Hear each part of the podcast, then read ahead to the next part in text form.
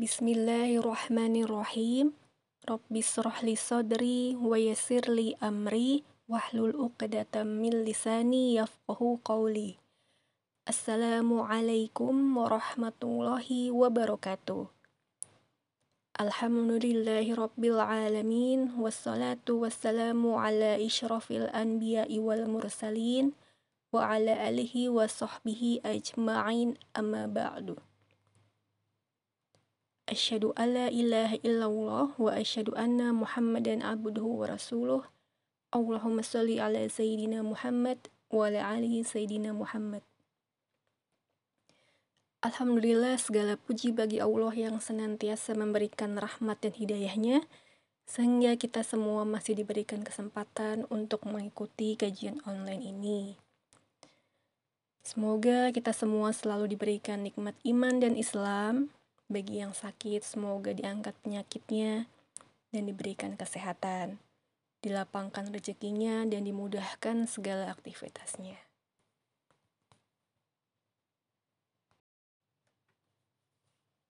Baik, ukhti filah, kita kembali belajar bersama lagi untuk membahas tentang sahabat Nabi yang dijamin masuk surga selanjutnya, yaitu Tolhah bin Ubaidillah.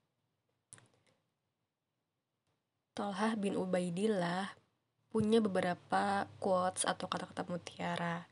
Di antaranya yaitu satu, seseorang yang rendah hati adalah orang yang memuji seseorang di balik kejelekannya.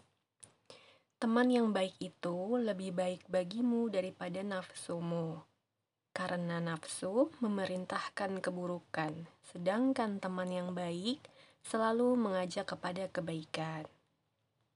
2. Tidak ada kebaikan di dalam hidup apabila tidak ada rasa malu pada diri seseorang.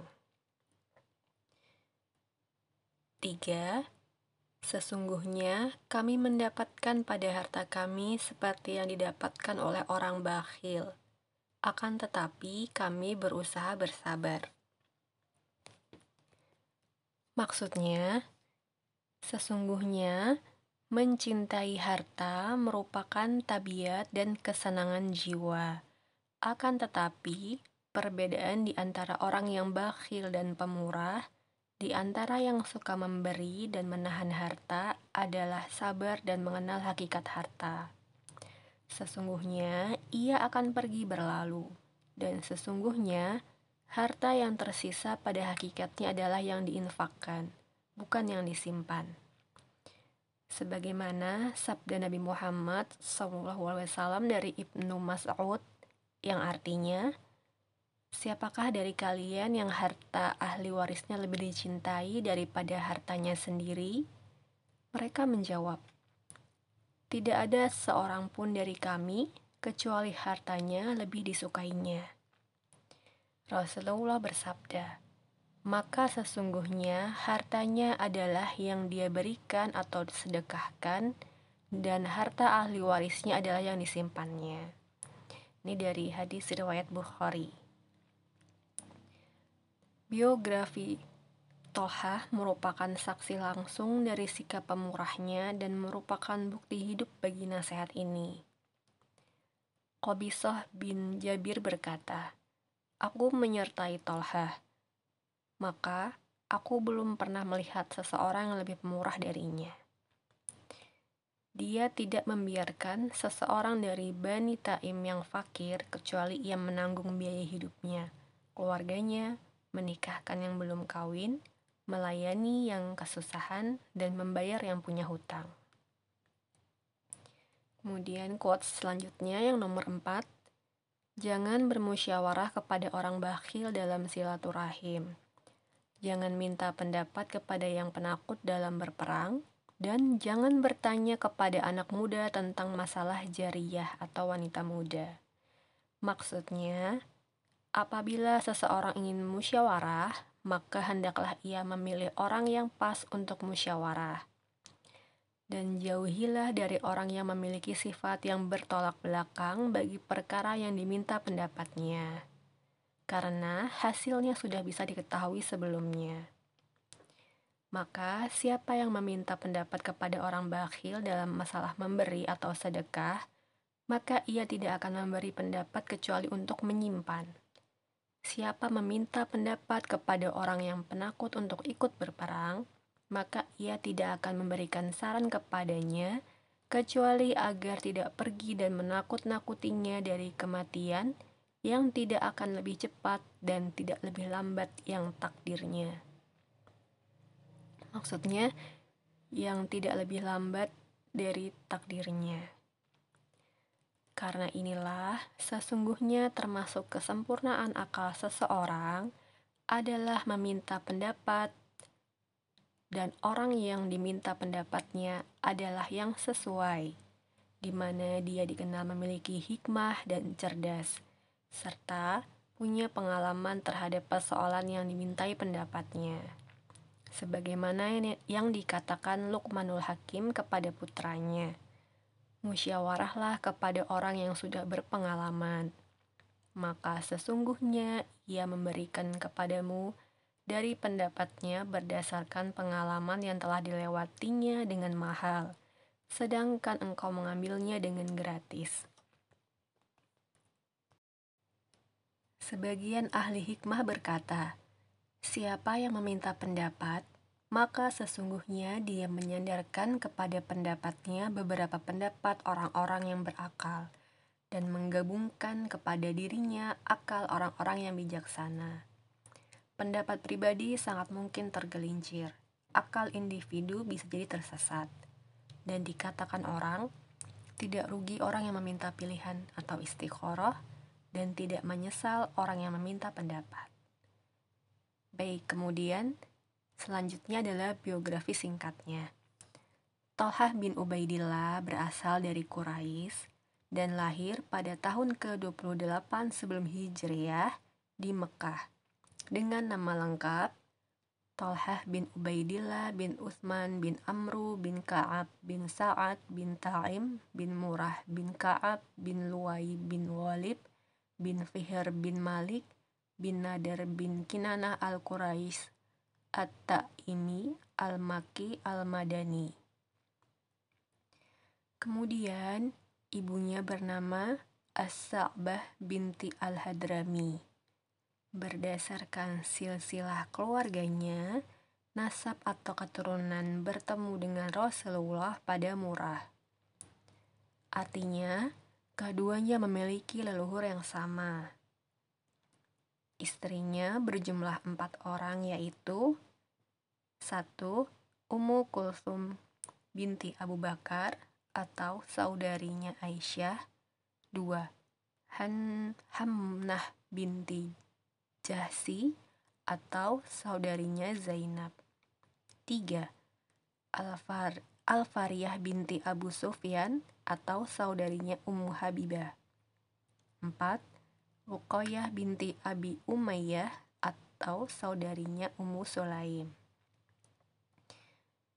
Sebelum masuk Islam, ia terkenal sebagai siapa? Ia adalah pebisnis mahir sejak muda dan termasuk jajaran pebisnis sukses yang kaya raya. Meskipun masih muda, ia memiliki kelebihan dalam strategi berdagang ia cerdik dan pintar. Kemudian, perawakan fisiknya, Tolhah adalah orang yang berperawakan bagus. Rambutnya ikal, tinggi badan sedang, berkulit putih kemerahan, memiliki bentuk dada yang lebar dan telapak kaki yang besar. Apabila ia berjalan, maka jalannya cepat, dan uban pada rambutnya tidak berubah. Kemudian hubungannya dengan Nabi Muhammad. Satu, salah satu dari enam konsultan Nabi Muhammad. Dua, seorang sahabat Nabi dari Quraisy. Kemudian, ia dikenal sebagai apa? Satu, Asyarah Mubasyarah atau sahabat yang dipastikan akan masuk surga berdasarkan sabda Nabi yang artinya Barang siapa yang ingin melihat seorang laki-laki yang masih berjalan di muka bumi, atau seorang syahid berjalan di muka bumi, padahal ia telah memberikan nyawanya, maka hendaklah ia melihat Tolhah bin Ubaidillah. Hadis riwayat Tirmizi. Kedua, sahabat Nabi yang dijamin masuk surga. Nama Tolhah bin Ubaidillah tidak seterkenal nama Abu Bakar ataupun Umar bin Khattab. Namun, Nabi Muhammad menyebut Toha setelah Ali bin Abi Thalib sebagai sahabat Nabi yang dijamin masuk surga. Berdasarkan hadis yang diriwayatkan oleh Abdurrahman bin Auf dari Nabi Muhammad yang artinya Abu Bakar di surga, Umar di surga, Utsman di surga, Ali di surga, Tolhah di surga, Az-Zubair di surga, Abdurrahman bin Auf di surga, Sa'ad bin Abi Waqqas di surga, Sa'id bin Zaid di surga, Abu Ubaidah bin Al-Jarrah di surga. Hadis riwayat Ahmad, Tirmizi dan An-Nasai. 3. Termasuk dalam golongan as-sabiqun al-awwalun atau orang-orang yang memeluk Islam di masa awal-awal kenabian. 4. Al-Faruq memasukkannya sebagai anggota majelis syuro yang berjumlah enam orang saat menjelang wafatnya. 5. Disebut sebagai Al-Qorinain atau dua setangkai. Hal tersebut karena Tolhah bersama Abu Bakar diberikan berbagai ancaman dan perlakuan, mulai halus sampai kasar, dari orang Quraisy agar keluar dari ajaran Islam. Namun, hal tersebut tidak membuahkan hasil, sehingga mereka akhirnya dilepaskan. Keenam, perisai Rasulullah dalam Perang Uhud. Ia menjadi perisai bagi Nabi Muhammad dengan mengalihkan panah yang akan menancap ke diri Rasulullah menggunakan tangannya, sehingga semua jari-jari terputus. Ia pun menderita luka parah yang luar biasa. Tubuhnya mendapat hampir 70 luka tusukan tombak, sabetan pedang, dan panah yang menancap. Ketujuh, mendapat banyak julukan dari Rasulullah yaitu A. Burung elang karena memiliki tatapan yang tajam. B. Tolhah al-khair atau tolhah yang baik, tolhah al-fayyad atau tolhah yang murah hati, dan tolhah al-jud, tolhah yang dermawan. Nah, ia dikenal sebagai pebisnis mahir sejak muda termasuk jajaran pebisnis sukses yang kaya raya. Karena sifat baiknya, ia mampu memberikan sedekah ratusan ribu dinar dalam sehari. Ketika sehari saja tidak bersedekah, maka ia tidak bisa tidur. Menurut Said bin Zaid, Tolhah merupakan seorang yang sangat pemurah tidak ada orang yang memberikan harta, pakaian, dan makanan selain Tolha. Hal ini terlihat pada saat banyaknya harta yang menumpuk di rumahnya. Tidak membuat ia menjadi sombong dan bahagia. Justru ia merasa sedih, gelisah, tidak tenang, dan pusing dengan harta yang dimilikinya. Ia tidak merasa berhak memegang harta sebanyak itu meskipun dari hasil keuntungan dagangnya sendiri. Beberapa contoh kebaikan, kemurahan, dan kedermawanannya yaitu 1. Membagikan hasil keuntungan dagangnya dari Hadramaut atau keuntungan dagang di sebuah lembah di Yaman senilai 700 ribu dirham atau setara dengan 35 miliar kepada masyarakat di sekitarnya, yaitu fakir miskin, ansor, dan muhajirin. Saat itu, ia menceritakan kepada istrinya, yaitu Su'da binti Auf, tentang kegelisahannya. dan menyarankannya untuk membagikan harta tersebut pada fakir miskin atau orang yang membutuhkan. Ia pun berkata dengan bahagia kepada istrinya, "Semoga Allah merahmatimu. Sungguh engkau wanita yang mendapat taufik Allah." Nah, keesokan harinya, Tolhah pun langsung memanggil masyarakat di sekitarnya dan semua harta yang ada diberikan kepada orang-orang yang telah berkumpul tersebut hingga tidak tersisa sedikit pun. Kedua, membiayai pernikahan anak-anak muda di keluarganya. Ketiga, mencukupi kebutuhan keluarga yang tidak mampu. Keempat, membebaskan 10 tawanan perang pada perang Badar dengan membayar tebusannya. Kelima, membayarkan hutang orang-orang dari Bani Jashim. Keenam, membeli sumur dan mewakafkannya sekaligus menyembelih seekor unta dan membagikannya ke masyarakat. Nah, hal ini yaitu pada suatu hari Rasulullah datang ke sebuah sumur di desa Zukarot yang terdapat di kota Basyan dan bertanya nama sumur tersebut. Kemudian para sahabat menjawab, "Ya Rasulullah, nama sumur ini adalah Basyan. Rasanya asin dan pahit."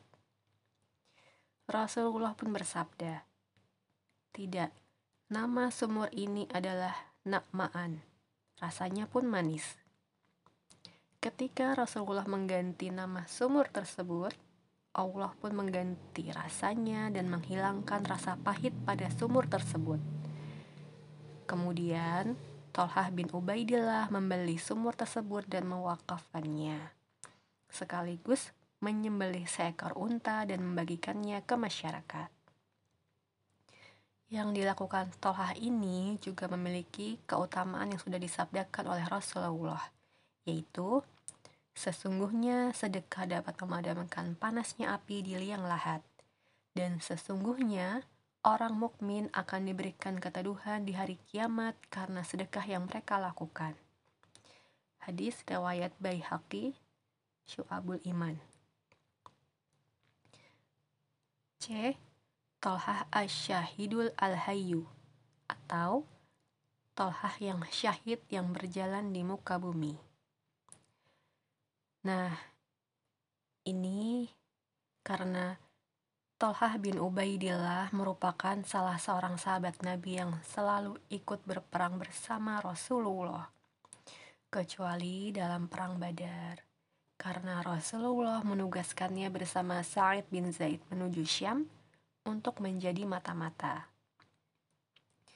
Walaupun hal itu membuatnya sedih, namun ia masih menerima dan menggantinya di perang yang lain, yaitu pada perang Uhud. Saat itu Rasulullah sedang membaca ayat Al-Quran dan Talhah bin Ubaidillah adalah salah seorang yang dimaksud dalam ayat Al-Quran itu, yaitu dalam Quran Surat Al-Ahzab ayat 23, yang artinya di antara orang-orang mukmin itu ada orang-orang yang menepati apa yang telah mereka janjikan kepada Allah. Maka di antara mereka ada yang gugur, dan di antara mereka pula ada yang menunggu-nunggu dan mereka sedikit pun tidak mengubah janjinya. Kemudian Rasulullah menatap para sahabat dan menunjuk Tolhah bin Ubaidillah dan berkata, Barang siapa yang ingin melihat seorang laki-laki yang masih berjalan di muka bumi, atau seorang syahid berjalan di muka bumi, padahal ia telah memberikan nyawanya, maka hendaklah ia melihat Tolhah bin Ubaidillah. Hadis riwayat Tirmizi. Rasulullah juga bersabda tentangnya, yang artinya surga wajib untuknya. Hadis riwayat At-Tirmizi. Saat mendengar hal tersebut, Tolhah merasa sangat bahagia karena itu artinya Meski masih hidup, dia sudah dijanjikan menjadi penghuni surga. Nah, kejadiannya pada saat perang Uhud, Pasukan Islam yang tadinya unggul langsung berada dalam kondisi terdesak. Pasukan musuh berhasil menyudutkan pasukan Rasulullah. Hal itu karena kaum Muslim sempat lengah dan menyebabkan terpecah belah karena tidak melaksanakan perintah Rasulullah, sehingga hampir membahayakan nyawa Rasulullah karena kaum Quraisy atau pihak musuh hendak menyerang Rasulullah. Lalu tersisalah beberapa orang saja yang salah satunya adalah Tolhah. Melihat hal itu, Tolhah langsung maju menyerang dengan semangat untuk melindungi Rasulullah dengan menjadi perisai atau pelindung bagi Nabi Muhammad. Pada saat itu, Rasulullah dan kaum muslimin yang naik ke bukit Uhud sedang dihadang oleh musuh. Rasulullah berkata, Siapa yang berani melawan mereka, dia akan menjadi temanku kelak di surga. Seketika itu, Tolhah langsung menawarkan dirinya, namun ditolak oleh Nabi. Dan begitu seterusnya hingga sebelas prajurit syahid dan tinggal mereka berdua. Barulah Nabi memerintahkannya maju melawan musuh. Tanpa menunggu lagi, Tolhah pun maju melawan musuh dan mencegah mereka agar tidak bisa mendekati Rasulullah. Tolhah kembali ke dekat Rasulullah dan menaikkannya sedikit ke bukit Uhud. Disandarkannya tubuh Rasulullah dengan kondisi gigi taringnya yang patah, kening dan bibirnya sobek darah mengucur dari wajahnya. Kemudian, Tolhah bergegas melawan musuh lagi. Lalu datanglah Abu Bakar dan Abu Ubaidillah. Maksud saya, Abu Ubaidah bin Jarrah menemui Rasulullah.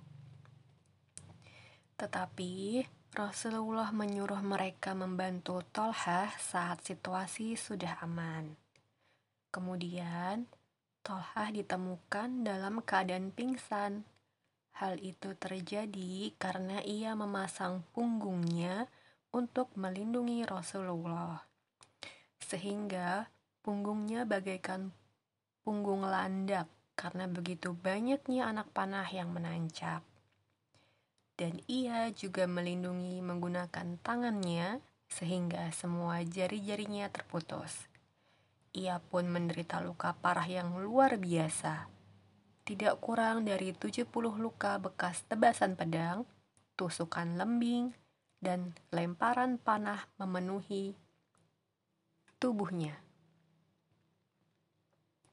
Pergelangan tangannya putus sebelah, darah segar mengucur dari tubuhnya.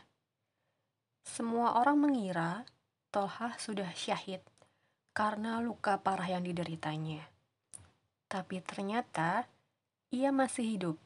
Sehingga akhirnya Tolhah mendapat julukan Asyahidul Al-Hayyu atau syahid yang masih hidup. Nah, sejak saat itu, jika ada yang membicarakan perang Uhud di depan Abu Bakar, Abu Bakar selalu menyahut, perang hari itu adalah peperangan milik Tolhah seluruhnya. Hal tersebut karena di dalam perang Uhud, Tolhah menjadi orang terbaik menurut Rasul di antara sahabat lainnya. Ia merupakan salah satu pahlawan dalam barisan tentara perang Uhud. Kemudian, bagaimana masuk Islam atau hijrahnya Tolhah?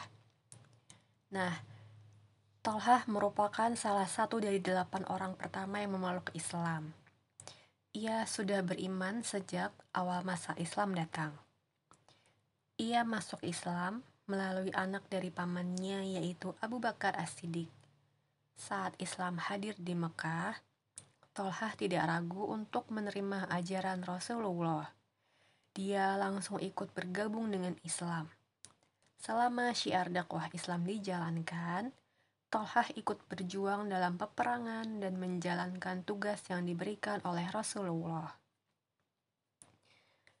Nah, pada waktu itu, saat pulang dari perjalanan bisnisnya dari negeri Syam, dia bertemu dengan seorang pendeta di daerah Busro.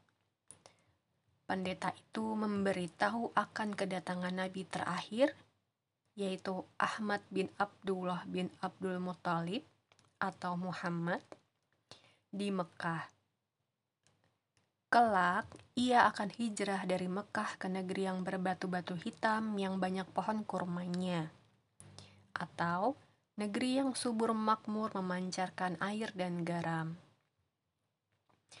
Dia juga mengingatkan agar Tolhah menjadi pengikut Rasulullah karena itu akan membuat hidupnya penuh dengan rahmat. Ucapan pendeta tersebut sangat membekas di hatinya, hingga ia tidak menghiraukan kafilah dagang di pasar tersebut dan bergegas pulang ke Mekah. Setiba di Mekah, Tolhah bertanya kepada keluarganya mengenai berita terbaru sepeninggalannya pergi berdagang. Lalu, diberitahukan bahwa Muhammad bin Abdullah mengatakan dirinya nabi dan Abu Bakar bin Abu Kuhafah telah mempercayainya dan mengikuti apa yang dikatakannya. Tolha sangat mengenal Abu Bakar karena mereka merupakan teman baik. Abu Bakar adalah seorang yang lapang dada, penyayang, dan lemah lembut. Ia pedagang yang berbudi tinggi dan teguh. Banyak orang menyukai majelisnya karena Abu Bakar adalah ahli sejarah Quraisy. Akhirnya, Tolhah langsung menemui Abu Bakar dan menanyakan hal tersebut, dan juga menceritakan peristiwa saat ia pergi berdagang yang membuat Abu Bakar terkejut. Setelah mengetahui Abu Bakar sudah memeluk Islam dan bergabung dalam barisan Rasulullah, Tolhah semakin yakin dengan pilihannya. Akhirnya, ditemani Abu Bakar, Tolhah menemui Rasulullah. Kemudian, Rasulullah menjelaskan apa itu Islam kepada Tolhah, dan dengan ringan, Tolhah pun mengucap dua kalimat syahadat ia menyatakan keimanannya. Peristiwa keislaman Tohah menjadi berita yang amat mengejutkan, terutama untuk keluarganya. Berbagai bujuk rayu dari keluarga dan kaumnya tidak lagi dihiraukannya. Pendirian Tolhah tidak dapat digoyahkan. Sejak itu, Tolhah tidak lepas dari siksaan yang halus hingga keras oleh kaum Quraisy. Mereka menunjuk Naufal bin Kuwailid atau salah seorang pembesar yang terkenal dengan sebutan Singa Quraisy untuk menganiaya dan mengancam Tolhah dan Abu Bakar. Keduanya langsung ditangkap dan diikat dalam satu tambang atau tali, tetapi mereka tidak berani bertindak terlalu keras dan kejam karena khawatir dengan pembalasan dari kabilahnya Abu Bakar dan Tolhah. Beruntungnya, penyiksaan tersebut tidak berlangsung lama. Akhirnya, mereka dilepaskan kembali. Dan ketika peristiwa hijrah, Tolhah pergi ke Madinah, kemudian bertekad untuk mengikuti setiap perjuangan Rasulullah. Kemudian, bagaimanakah karakter atau sifatnya? 1 sangat meyakini janji Allah dan Rasulullah. Dua, jujur. Tiga, tidak pernah ingkar janji atau selalu menepati janji. Empat, pemberani. Ini terlihat saat ia melawan musuh dalam peperangan yang diikutinya. Lima, cerdas. Hal ini terlihat saat prosesnya memeluk agama Islam. 6. Berpendirian teguh. Pada saat ia memeluk Islam, berbagai bujuk rayu dan siksaan dari keluarga dan kaumnya tidak membuatnya goyah untuk keluar dari keislamannya. 7. Rela berkorban. Hal ini terjadi di Perang Uhud saat ia menjadikan dirinya sendiri sebagai perisai Nabi dari serangan musuh. 8. Dermawan Meskipun ia termasuk jajaran pebisnis sukses yang kaya raya, namun ia tidak suka menumpuk hartanya di rumah dan lebih menyukai untuk memberikannya kepada masyarakat yang membutuhkannya. Kemudian, bagaimanakah Tolhah meninggal? Tolhah meninggal pada usia 60 tahun pada 36 Hijriah atau 656 Masehi. Dalam riwayat lain, ia wafat dalam usia 60 ta 64 tahun. Dalam peristiwa Perang Jamal, karena luka panah yang cukup dalam di kakinya, dan ia dimakamkan di Basroh, Irak. Nah, pada saat itu, Kematian Tolhah terjadi dalam perseteruan antara pembunuhan Utsman dan pengangkatan Ali bin Abi Thalib sebagai khalifah. Dan kondisi puncaknya terjadi pada Perang Jamal atau Perang Unta. Tolhah berada di jalan yang berseberangan dengan Ali bin Abi Thalib. Ia bersama Zubair bin Awam dan Ummul Mukminin Aisyah memimpin pasukan dari Basrah untuk melakukan perlawanan kepada Ali bin Abi Thalib dengan dalih menuntut balas kematian Utsman. Padahal beberapa waktu sebelumnya mereka ikut membaiat Ali sebagai khalifah. Ketika pertempuran mulai berlangsung dan dari kedua pihak berjatuhan korban tewas atau meninggal, Ali menangis dan menghentikan pertempuran. Padahal saat itu posisinya dalam keadaan menang. Ali meminta kehadiran Tohah dan Zubair untuk melakukan islah. Ali juga mengingatkan Tohah dan Zubair berbagai hal ketika bersama Rasulullah, termasuk ucapan Nabi tentang mereka bertiga bahwa semua yang terjadi saat ini sudah pernah diucapkan oleh Rasulullah yaitu akan tiba masanya para sahabat Rasulullah akan memerangi Ali dan mereka adalah orang yang zalim atau pendurhaka. Talhah dan Zubair menangis mendengar penjabaran Ali dan seolah diingatkan akan masa-masa indah bersama Rasulullah. Apalagi saat itu mereka melihat Ammar bin Yasir ikut bergabung dalam pasukan Ali. Masih jelas terngiang di telinga mereka sabda Nabi ketika kerja bakti membangun Masjid Nabawi. Wahai Ibnu Sumayyah, yaitu Amr bin Yasir, ia akan terbunuh oleh kaum pendurhaka. Kalau terus memaksakan pertempuran ini, jangan-jangan mereka menjadi kaum pendurhaka tersebut. Akhirnya, Tolhah dan Zubair memutuskan menghentikan pertempuran dan ia menyarungkan senjatanya. Kemudian, berbalik menemui pasukannya. Dalam riwayat lain, Tolhah dan sahabatnya Zubair bin Awam keluar dari pasukan yang melawan Ali bin Abi Thalib. Saat itulah orang-orang zalim tidak ridho dengan keputusan mereka. Tolhah akhirnya dipanah oleh Marwan bin Hakam dan mengenai lututnya yang apabila dibiarkan akan membengkak dan apabila dicabut maka akan terputus kakinya sehingga ia memutuskan untuk membiarkan saja hingga akhirnya meninggal akibat luka tersebut. Sesungguhnya Tohah bin Ubaidillah berharap bisa gugur ketika berjuang bersama Rasulullah saat menghadapi musuh Islam. Namun, ketentuan Allah menghendaki ia meninggal di tangan orang Islam sendiri, yaitu pada kekhalifahan Ali bin Abi Thalib. Nah, begitulah keteladanan bagi umat Islam. Atas semua kisah hidupnya yang tidak biasa, Tohah menjadi salah satu orang yang dijamin masuk surga bersama sembilan sahabat Rasulullah lainnya. Pengorbanan luar biasa dari Talha bin Ubaidillah dalam membela Rasul dan agama Allah membuatnya mendapat golden ticket untuk masuk surga sejak ia masih hidup di dunia. Lalu pertanyaannya, apa yang sudah kita siapkan untuk mendapatkan tiket ke surga nanti?